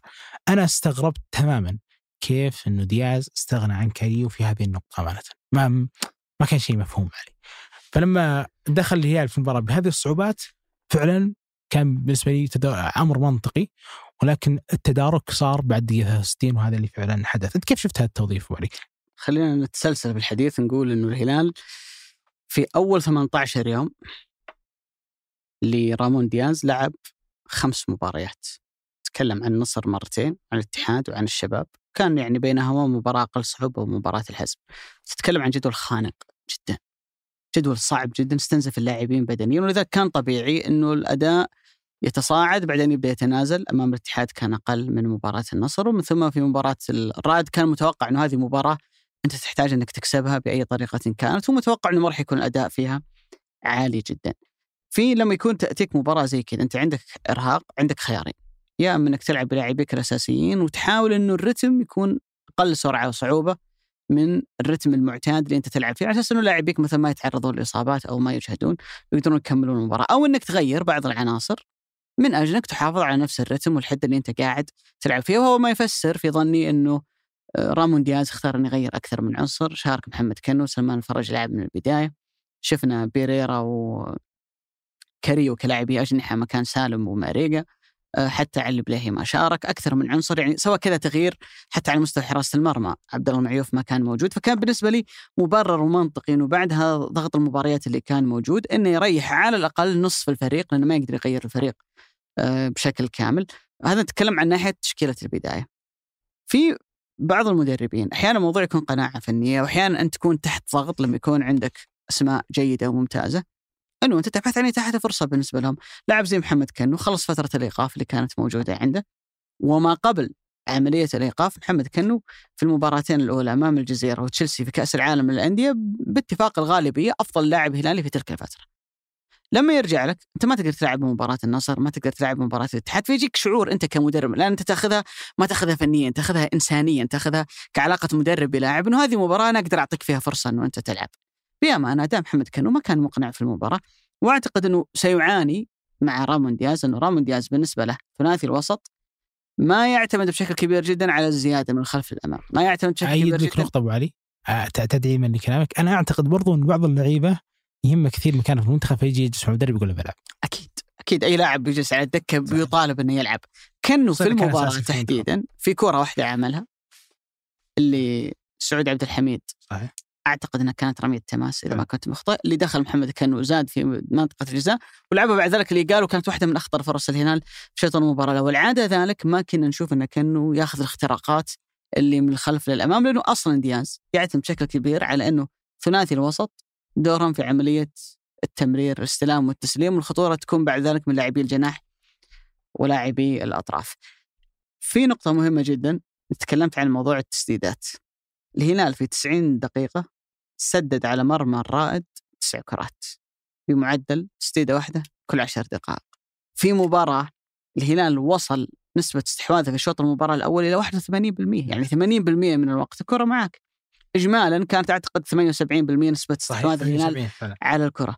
ومع ذلك الهلال يحتاج إلى عشر دقائق عشان شفت شوطة واحدة على مرمى الرائد. خلينا نقيس الموضوع على الهلال وعلى المنافسين. الأهلي في هالجولة أمام الطائي سدد 24 تسديدة. النصر أمام الاتفاق سدد 25 تسديدة. الاتحاد الجولة الماضية نقيس على ضمك لأنه مباراة الشباب يمكن أصعب. سدد 25 تسديدة 22 تسديدة عفوا على مرمى ضمك. هل ما حدث أمام ال- الرائد كان استثناء؟ لا. الهلال لما فاز على النصر 4-0 في المباراة كاملة سدد تسع مرات. لما فاز خمسة على الشباب سدد 14 تسديدة. ولما فاز 2-1 على النصر في مباراة كأس الملك سدد سبع تسديدات. ففي الغالب هذا هو ترى متوسط التسديد Yeah. عند الهلال مع رامون دياز. فريق عنده استحواذ عالي لكنه ما عنده حدة عالية في عملية تكرار التسديد أو الحلول من خارج منطقة الجزاء وما إلى ذلك. في شيء أنا ما أقدر أقيسه بالرقم لك يا عزيزي المستمع لكن لو تروح تخش موقع سبيل دوت كوم اللي هو الموقع الرسمي حق رابطة دوري المحترفين تشوف مباراة الهلال وال والرائد واحصائياتها وتشوف خريطة تمريرات الهلال في المباراة.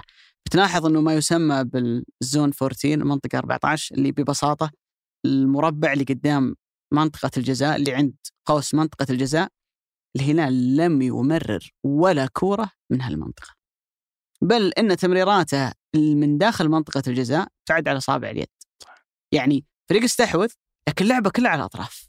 ما في اختراقات، اللعيبه الثمانيات اللي هم كن وسلمان ما يخترقون للأمام، ما يحط نفسه في موقف إن اللاعب الظهير يخترق داخل المنطقة ومرر الكره عميق وبعد ذلك يلعبها باص قصير مثل اللي سواها سعود عبد الحميد اللي أنت تكلمت عنه ترى صارت حالة واحدة في المباراة. فالاعتماد. إيه الاعتماد الأكبر على العرضيات، طيب وين تجي المشكلة؟ الهلال في هالمباراة تحديدا كان عنده 45 كرة عرضية. عارف كم واحدة منها صح؟ سبعة بس. ومن هالسبعه الصادم إن سلمان عنده أربعة من. السبعة اللي أصلا المفروض إنه ما يكون لاعب يعني عنده إسهام كبير جدا على مستوى الكرات العرضية. في المباراة الهلال كان عنده ثمان ركنيات واحدة بس اللي طلعت من المنفذ كان في كل المرات سلمان هو اللي ينفذ ووصلت إلى لاعب هلالي، الغريب وشو؟ في فترة سابقة كان الأخصائي الأول للركنيات يمين ويسار مين؟ بيريرا فجأة صار سلمان في المباريات السابقة كان الهلال عنده فكرة واضحة إنه دائما ضربة الركنية تتمرر قصيره للاعب موجود قريب من المنفذ وبعد ذلك الهلال ممكن يعني يلعبها يعرضها مرة ثانية أو يحاول إنه من خلالها يخلق موقف هجومي. في كل الكرات الركنية اللي حصل عليها الهلال أمس كانت تروح مباشر. يعني استغربت إنه دياز غير المنفذ وغير طريقة التنفيذ والأداء كان سيء. على الرغم من ذلك لو نرجع للعرضيات خلينا ناخذها بالأرقام سعود عبد الحميد عشر عرضيات صفر عرضية صحيحة ولا واحدة صح. العشر كلها كانت غلط. ياسر الشهراني تسع عرضيات واحدة صح وثمانيه غلط. كاريو خمسة ولا واحدة منها صح ومعظم لاعبي الهلال كان عندهم مشكلة كبيرة جدا في لعب الكرات العرضية لأنه كان في إصرار كبير جدا على إنه هالعرضيات في الغالب تكون كور عالية صعب جدا إنه أنت تاخذها بوجود يعني مهاجم وحيد أمام عدة مدافعين ومعظم الأندية عندنا أساسا تلعب بمدافعين أجانب. بتواجه يمكن هالموضوع في مباريات قادمة حتى إن بعض الأندية عندها قلبي دفاع أجانب. ولذلك هذا ما يبرر إنه لأول مرة نشوف دياز ينزل مهاجم ثاني. لما نزل صالح الشهري معي قالوا عشان يخلق كثافة عددية داخل منطقة الجزاء. وأمس قرأت تغريدة لأحدهم صراحة كانت هي خير ما وصفت. قال إنه هذا تغيير من زمن جارديم يعني فكرة جارديم إنه عرضيات عرضيات واذا ما لقينا حلول نزل كل المهاجمين اللي عندك. ما كانت واحدة من أفضل مباريات الهلال. وكان متوقع إنه مع الوقت يعني تذكر أنا كنت متحفظ جدا في إطلاق الأحكام مبكرة على دياز إنه مع الوقت تبدأ بعض المشاكل تبان. لكن بالنسبة للهلال أول ست مباريات بعد تعيين دياز كلها انتصارات. اكسب بأي طريقة كانت. ولو ختم المباراة القادمة امام الأهلي بالفوز تكون أول سبع مباريات اللي ما قبل التوقف اللي هو أول فترة راحه التقاط أنفاس حياخذها الهلال من فترة طويلة جدا لأنه هالسبع مباريات أضف عليها ثلاث مباريات في كأس العالم للأندية ضغط كبير جدا بالنسبة للهلال. يقدر بعد ذلك يلتقط أنفاسه وطالب دياز إنه يعدل بعض الأوضاع في الهلال لكن إنه يكسب هذا هو المهم. صحيح. والهلال كسب عن طريق لاعب أعتقد إنك تحبه كثير يا أبو سعود ما يحبه يا أتوقع حتى اللي مو بهلالي مو بهلالي أكيد إنه يحبه. أنا أمانة على مدى الفترة آه، يعني خلينا نقول في شيء اسمه نجاح وهذا لكن هذا نجاح مبهر. إدارة دياز للفترة شيء لا يوصف تكتيكيا أو حتى بدنيا أو حتى نفسيا. أغلب قراراتها كانت ناجحة نجاح مبهر وقرارات جريئة مثل توظيف كاريو ومثل خلينا نقول إعادة رسم تشكيل الهلال. أشياء كثيرة يعني تحسب رغم دياز. لكن هي هذه المباراة اللي فعلا كانت يعني خلينا نقول لو تعثر فيها الهلال ممكن ينام فيها دياز على مدار على مستوى التشكيل. أنا أتفق معك بعدين عملية الضغط على الهلال كانت كبيرة جدا. واتفق إنه في بعض المباريات المفروض إنك تستهدفها تقيم فيها عملية تدوير ليستقيم فريقك في أفضل أو يكون فريقك غالبا في أغلب فترات الموسم حال البدني كويس. ولكن الوضع اللي كان فيه دياز أو اللي كان فيه الهلال مع دياز في خلينا نقول وقت مباراة الحزم هو أعتقد كان الحال المثالي على لعملية التدوير. لأنه لما تستهدف إنك تشيل عملية الإيقاف من كويلار تشيل عملية الإيقاف من سلمان وبعد ذلك تستمر بنفس الرسم بنفس الأدوات. تريح سالم الدوسري مثل ما صار أنت اليوم أخذت من البعثة تريح واحد مثل موسى مريقا أمس أو حتى إنك تشرك واحد مثل ميشيل كلاعب طرف. ال- ال- التشكيلة اللي حضرت قدام نادي مثل الحزم لما سلمان عوضه بريرا مفهوم جدا. لما ميشيل يعوضه أو عفوا سالم يعوضه ميشيل مفهوم جدا أو حتى محمد كانوا في عمق الملعب. كل هذه بالنسبة لي أنا أمر مفهوم. الشيء الغير مفهوم هو خلينا نقول زيادة لاعبين اثنين في أطراف الملعب. انت تعتمد كثير على عملية التسديد اللي خلينا نقول كانت رائعة جدا بالنسبة لهم على مدار المباريات الماضية سواء مريق ولا حتى سالم وسجلوا منها أهداف كثير. إنك فجأة تفقدهم للاعبين أهم خصالهم وافضلها هم قدرتهم دائما في صناعة المواقف الهجومية سواء بيريرا ولا حتى آه، أندريا كاريو. لكن اللي فرق كثير في الهلال أو اللي خلينا نقول اللي خذ المباراة إلى بعد ثاني هو تبديل في 63 هل هو دخول موسى مريقا مكان آه، اللي هو أعتقد كان مكان آه، ما خانتني الذاكرة. هو كان تبديل يعني نزول مريقا وميشيل مكان كانو وبيريرا وفعلا هي اللي صنعت الفارق بشكل كبير. مريقا في هالمباراة ما اخذ ما لمس الكرة كثير 16 لمسة فقط وتسديده واحدة بس على الباب. ولكن هذا اللاعب اللي مهما كانت ظروفك أنت تجزم شيء في موسى مريقا من ناحية وجوده في الملعب. انه لا يمكن يكون عنده 1% مجهود ولا يبذله. صحيح. يستنفذ كل مجهوده يستميت على أي فرصة عشان يكون في كل مكان. لم حتى لما نزل أي أول كرة عرضية اللي كانت لميشيل وبعد ذلك تصدمت المدافع وكانت في العارضة كانت برضو موسى مريقا لما سقطت الكرة من قالوا اللي فنشها بصميم قلبه هو موسى مريقا في نوعيه من اللاعبين يكون فنياته عالية جدا يعطيك 50% من مجهوده فانت تبهر به يعني تقول هذا اللاعب عظيم وأداء عظيم وأكبر مثال في ذلك أعتقد ماثيوس بريرا، لكن في نوعي- نوعين من اللعيبة من يحضر ترتبط فيه ارتباط عاطفي لاعتبار نتائجه جدا رائعة وإنه يستميت علشان تنجح المجموعة. هذه واحدة من أكبر خصال موسى ماريجا.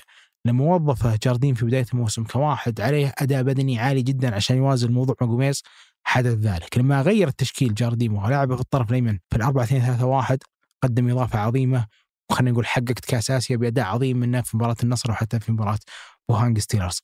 ولما تغير الموضوع مع رامون دياز صرت تشوفه واحد من ثلاثة مطلوب منهم التهديف وتهديف عالي جدا تحضره يسجل. أمس 16 لمسة بس منها واحدة أتوقع انه أطلقها من قلبه. فهذا من نوعية الصفقات اللي أمانة آه، تجزم من أول موسم لها إنها سترتبط في بال الهلاليين كثير لأنه واضح إنه لاعب مو بس يرضي ضميره ويحترم هذه المجموعة كثير. خليني أقول نقطة أبو سعود عن ماريجا. هو نموذج لقدرة اللاعب على أن يحول العيب إلى ميزة. شلون؟ كيف؟ ماريجا يلعب بيمين طرف أيمن ورجله يمين. يعني عادة اللاعب اللي رجله يمين يحب يلعب جناح عكسي يلعب ناحية اليسار. مثلا زي سالم الدوسري في الهلال زي مبابي. زي تيري هنري في فترة سابقة يحب إنه يلعب ناحية اليسار عشان لما يواجه المرمى هازارد روبن كل ذولي تكون رجله مفتوحة صحيح. إنه يقدر يركن الكورة يعني عنده زاوية أوسع يتكلم عن الزاوية البعيدة عكس ذلك ماريجا لما يلعب على اليمين ورجله يمين فدائما ينحط في موقف إنه الحالات اللي يقدر يسدد فيها الكرة حتلاحظ إنها دائما قريبة من القائم اللي اللي خلينا نقول يسار. على يسار حارس المرمى صحيح. فبالتالي زاوية التسديد هنا تصير مرة ضيقة لأن الحارس يطلع ويقفل عليك الزاوية كم مرة من هالموقف باستثناء كرة تشيلسي؟ الله يهدي الشيخ ما زالوا حطها في بدأ كم مرة نحط في هالموقف وكان بارع جدا في عملية ركن الكرة، أما بالستايل المعتاد منه يحطها على القائم البعيد ليس. ويحاول غالبا اللي هي على يمين الحارس غالبا إنه يرفع الكرة شوي عشان يمنع الحارس إنه لو ما أدري اللي يحاول إنه يتصدى لها، أو مثلا زي لقطة هدف الرائد إنه يحطها في زاوية شبه مستحيلة بالنسبة لحارس المرمى، يدلك إن اللاعب يتمرن كثير، يعرف إنه هو لما يكون موجود في هذا المركز فرصة في التسجيل أقل من لاعب رجله يسار. فبالتالي لابد إن التسديدة على مستوى القوة، الدقة تكون متقنة، وأنا بالنسبة لي مبهر اول يعني قليل إني أشوف لاعب يلعب يمين وعنده هذا الإتقان من إنه يسجل دائما من هالوضعيات الصعبة، لأنه أي أحد ينحط في هالموقف مع خروج الحارس تصبح الزوايا يعني ضيق. ضيقة جدا أو معدومة إنه أنت تسجل، ومع ذلك الرجل ارقامه التهديفية جدا ممتازة. سجل في نصف نهائي دوري أبطال آسيا، سجل في نهائي دوري أبطال آسيا، سجل هدف زي اللي شفناه في مباراة الرائد وأكثر من حالة يدلك إن الرجل دائما لما ينحط في هذا الموقف ترى ما تجي بالصدفة، إنه يركنها بالطريقة هذه هو عنده برود لما يتحصل على الكرة في مناطق مهمة جدا وقابلة للتسجيل إنه بعد ذلك يأخذ فيها قرارات مهمة وجريئة. لكن خلينا نتكلم عن نقطة مهمة يا أبو سعود أوردتها أنا في حديثي لا أعطيك سؤال أبو علي قبل ما نتكلم عن طيب. نقطتك تتوقع إن هذا إنه تأسيس ماريجا كلاعب مهاجم أثر في خلينا نقول هذه النجاعه قدام المرمى؟ أكيد بس لما نتكلم عن لاعب مهاجم تسعة مثل قالوا على سبيل المثال الكرة مرة بتجيك يمين مرة بتجيك يسار.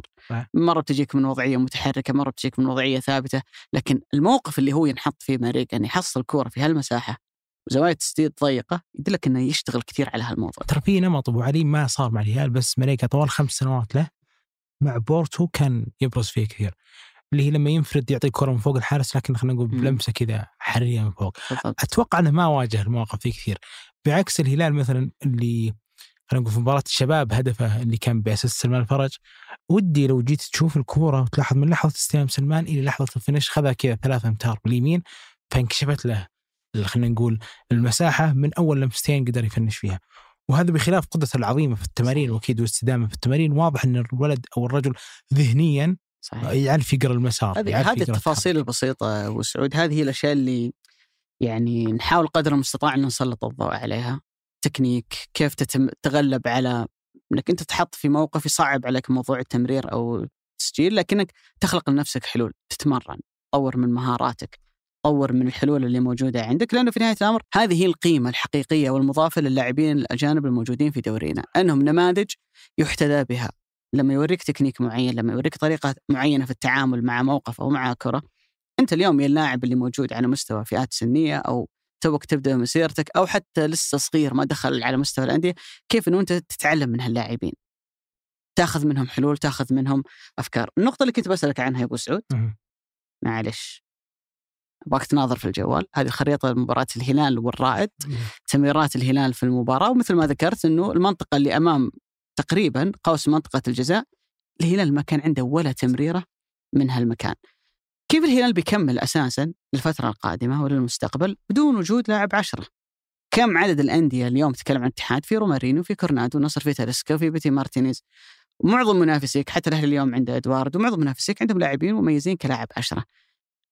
كيف الهلال بيقدر يتعامل مع هالمشكلة؟ مشكلة إنه ما عندي صانع اللعب اللي يلعب تحت المهاجم على طول اللي يلعب في المنطقة اللي أمام منطقة الجزاء وبيظل الاعتماد دائما على الأطراف وأنا بكون رهين على في إن اطرافي عندهم القدرة إنهم يلعبون تمريرات دقيقة للمهاجم اللي بعد ذلك يقدر يحولها إلى أهداف.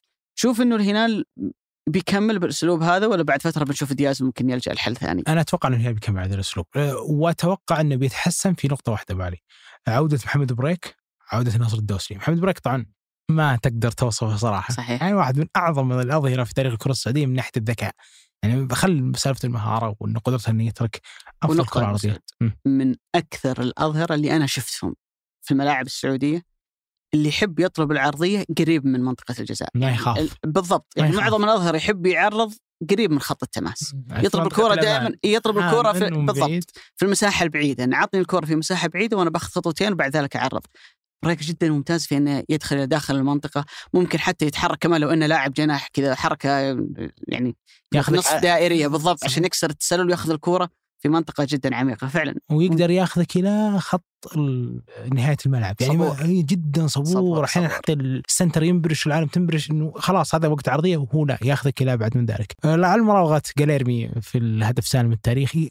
أكبر دليل في ذلك مع إنه ما هو قريبة من الخط ولكن قديش هو راوغ جاليرمي مرة مرتين لين كشفت له الزاوية. فلما تستفيد من واحد محمد بريك أنت غالبا كل الأندية بتعاني منك في هذه المناطق. وأنا أعتقد رغم المستويات العظيمة في ظني اللي قدمها سعود عبد الحميد الا انه بيخسر خانة محمد بريك من لحظة جاهزية محمد. إضافة لذلك ناصر الدوسري. أكثر ظهير أيسر صنع أهداف وأكثر ظهير أيسر عنده خلينا نقول عدد معدل مرتفع لصناعه الفرص المحققة من الكرات العرضيه هو ناصر الدوسري بالرغم من فترة انقطاعه كعدد وحتى ك خلينا نقول آه، معدل عنده إلى الآن 36% من عرضياته أدت إلى أهداف محققة للهلال بعضها تستغل وبعضها لا. فلما يكون الهلال يلعب خلينا نقول ثلاثي في عمق الملعب عندهم القدره سواء سلمان ولا ماثيوس بيريرا أنهم يلعبون هالكرة الطويلة سواء سلمان ولا حتى أندريه كاريلو اللي أميز منهم كلهم في ظني اليوم عنده قدرة إنه يعطي ال long pass للظهير ويكون في كل طرف لاعبين مريقا محمد بريك ولا حتى ناصر الدوسري وسالم الدوسري فإنه واحد اللي هو الطرف العكسي بيكون منهم ثلاثة يطلبوا الكره في داخل منطقة الجزاء. الوضعية هذه محبة جدا لرامون دياز سواء الكرات اللي بتكون كرة ثانية ولا حتى كرة أولى. هذا طبعا بخلاف انه واحد مثل كريم مثلا هدفه على الحزم بيقدر يزود لك في بعض الكرات اللي أنت بتطلب إنه في لاعب يزود داخل منطقة الجزاء. أنا ما أخاف صراحة من من عملية التشكيل.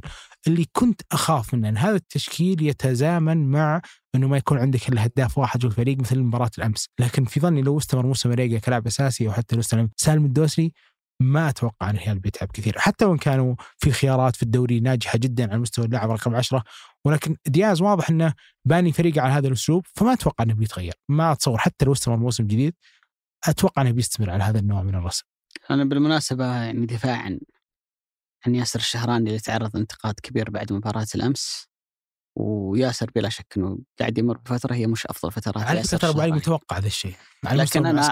أنا أعتقد إنه سالم وياسر الشهراني سلمان الفرج. الثلاثة مرت علينا فترات هالموسم تكلمنا عنهم إنه في نزول في مستوياتهم. وفي ظني إنه هذا هي نتيجة طبيعية ومتوقعة. أتفق والله. اللعيبه ما كان عندهم صيف أساسا. الناس ريحت خذت إجازات. هم انتهى الموسم لعبوا مع المنتخب آخر جولتين في تصفيات كأس العالم الأولية اللي ما قبل التصفيات النهائية. وطلعوا على طول مع المنتخب الأولمبي شاركوا في أولمبياد طوكيو ورجعوا لقوا الدوري بدأ وكملوا مع الفريق فبالتالي ما كان عندهم فترة توقف. أضيف لهم أيضا داخل الموسم عشر مباريات الآن لعبنا ثمان وفي مباراتين قادمة اللي بيلعبها المنتخب ان شاء الله في تصفيات كأس العالم. صحيح. نتكلم عن عشر مباريات تصفيات نهائية لكأس العالم. كل مباراة على مستوى الصعوبه الحمل البدني حاجة اللاعب إنه يكون حاضر ذهنيا وبدنيا تتطلب منك إنك تكون في الذروة. ولذلك شاهدنا إنه ياسر الشهراني ما شاء الله تبارك الله اللي غالبا ما يعاني من إصابات أصيب هذا الموسم. سالم أصيب سلمان أصيب والثلاثة مرت علينا فترات في الموسم في عملية تراجع في مستوياته فأنا ضد فكرة إطلاق أحكام إنه الهلال ليش ما تعاقد مع ظهير أجنبي؟ خلاص ناصر الدوسري بياخذ الخانة. هذا مش أفضل موسم تحكم على ياسر الشهراني فيه لأنه بأمانة الظرف اللي انحط فيه عملية الإجهاد الكبير اللي تعرض لها في الفترة الماضية طيلة السنوات الماضية خلتنا نشوف ياسر بهذا الشكل لكن بإذن الله تعالى حيكون عنده يعني لأول مرة من عدة سنوات صيف كذا حيرتاح فيه. فيه بإذن الله تعالى ويرجع السنة الجاية لناديه ومنتخبه يكون بأفضل جاهزية. بضيف لك نقطة أبو علي وتذكر نهاية الموسم الماضي مباراة التعاون. ياسر الشهراني لعب وكان فيه كسر في صدره. سلمان الفرج لعب وهو مصاب ولكن كانوا يدرون هذه مباراة حسم دوري فلازم نضحي فيها. بعد ذلك أول مباراة بعدها على طول ارتاح. يعني مباراة فيصل كانت تحصيل حاصل على طول ارتاح.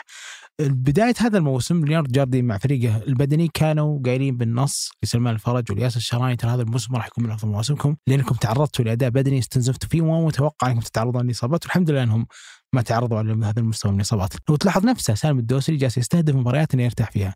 مباراة الحزم ومباراة الرائد أمس كلها كان خارج القوام. ما هو لأي شيء اعتبار لكنه اللاعب ما دخل معسكر في نفس الوقت لعب مع المنتخب الأولمبي في نفس الوقت هو أساسي أتكلم عن الثلاثة كلهم. أساسي على مستوى هيرفي رينارد بيدخل في تجربة كأس عالم ثانية يلعبها وقدامه موسم فيه نصفه لأول مرة في التاريخ شهرين مفرغة لكأس العالم وارد جدا إنه يكون يلعب فيها. فواحد مثل ياسر الشهراني متوقع يكون موسمه غير جيد متوقع لكن الأكيد إنك لا يمكن إنك تقول إنه مثل النغمة اللي نسمعها إنه أصلا هذا ياسر طول عمره ما عمره اضاف وهذه الأمانة نقطة جدا جدا مضللة. لا ابدا ما هو ياسر لاعب اللي جالس ينحط في هذه الصورة. أتوقع إنه عودة محمد بريك على المدار على مستوى الظهير الأيمن وعودة ناصر الدوسي بتحسن كثير في أطراف الهلال. وتنوع الحلول عند المدرب. بتنوع الحلول وبتخلي دياز أكثر جراءة لما يقول ياسر مثل ما يقول لسالم الدوسي يرتاح عن المباراة. لأنه هو أكيد مستنزف بدنيا وأكيد إنه ما هو جاهز أصلا بدنيا من بداية الموسم فكان المفروض إنه صراحة يستهدف بعض المباريات يرتاح فيها. لو تلاحظ هو اللي لعب كل المباريات هو اللاعب الوحيد اللي لعب أعتقد كل هذه المباريات مع حتى اللي هو علي البليهي. مع مع علي البليهي برضه ارتاح أمس مع جانج مو بعلي البليهي. فخلينا نقول متوقع لياسر ولكن عسى بإذن الله تكون نهاية موسم طيبة له ويأخذ راحته ويعجز مثل الناس. على إنه لاعب على الجانب الخلقي على جانب الأداء الفني أعتقد إنه من أميز اللاعبين اللي. موجودين عندنا. لكن أنا بالنسبة لي من قبل بداية الموسم كان متوقع إنه سيعاني كثيرا هو وسالم وسلمان على مدى الموسم الرياضي ممكن بأمانة هو أكثر الثلاثة اللي وضح إنه عانى لأنه هو أكثر واحد تعرض للإجهاد إذا بتاخذها تراكميا خلال السنوات الأخيرة وكثر خيره يعني عنصر مهم. وأساسي وثابت في في النادي وفي المنتخب السعودي. في شيء إضافي أبو سعود؟ شكرا لك أبو علي الشكر لك يا حبيبي شوف مهما. حاولنا نقول خلينا نقلل المحاور عشان ما نزود الوقت على الناس ولا عارف إيش نفشل في ذلك. بالضبط. هو الفكرة يعني عامة إنه أكثر من إنك تحاول إنك تمر على كل المباريات تحاول إنك تعطي نقاط مفصلة وعميقة في المباريات اللي أنت بتتكلم عنها صحيح. أكثر من يكون الموضوع مجرد توصيف. يعني أتوقع إنه منافسة الهلال والاتحاد المباشرة على الدوري هي اللي هي اللي ممكن تفرض عليك إنه يكون التركيز عليهم في هالأسبوع أكثر ممكن حتى في الأسابيع القادمة. وبإذن الله تعالى نتمنى إنه يعني الدوري من هنا إلى نهايته يكون في إثارة وتشويق تخلينا كل أسبوع متحمسين نجي نتكلم عنه يعني بدايه الشغف. شكرا لك أبو علي الشكر لك شكرا. لكل الحبايب اللي يحبون مرتدة وحتى ينتظرون مرتدة، أنا أدري إنه الكثير من الجمهور كان ينتظرنا بعد مباراة الهلال والاتحاد وأعرف هذا جيدا ولكن إحنا مرتبطين دائما بنهاية الجولة، بعد الجولة بيوم بإذن الله تكون مرتدة آه، نزلت فعلشان نكون مواكبين دائما هذا الوقت هو اللي دائما بنظهر فيه بحول الله وقوته مع بداية كل أسبوع أو حتى مع بنهاية كل جولة. بحيث ان إحنا نلبي خلينا نقول أغلب اللي المواضيع اللي بتكون في الملعب السعودي بكل جوانبه. بحول الله وقوته تكون دائما مرتدة تستحق وقتك الثمين اللي أنت تفرغ له لأني أدري مثل ما أقول دائما إنه مساله إنك تفرغ سيارتك أو جوالك لصوت واحد يستمر طوال الساعة الساعة وربع الساعة ونص. هذا الموضوع ما هو سهل لكن بحول الله وقوته أن يكون المحتوى اللي يطرح هنا آه، يليق بوقتك هذا الثمين. شكرا لكم جزيلا. شكرا لياسر الغانم في تسجيل هذه الحلقة. شكرا لمرام الطيبان في تحرير هذه الحلقة. وجميل عبد الأحد بالإضافة إلى الهندسة الصوتية محمد الحسن وفي إدارة إنتاج هنادي الهذلي وصالح باسلامه وفي الإشراف على إذاعة ثمانية سحر سليمان هذا بودكاست مرتدة. أحد منتجات شركة ثمانية. للنشر والتوزيع. شكرا جزيلا لكم. نلقاكم بحول الله وقوته في الأسبوع القادم.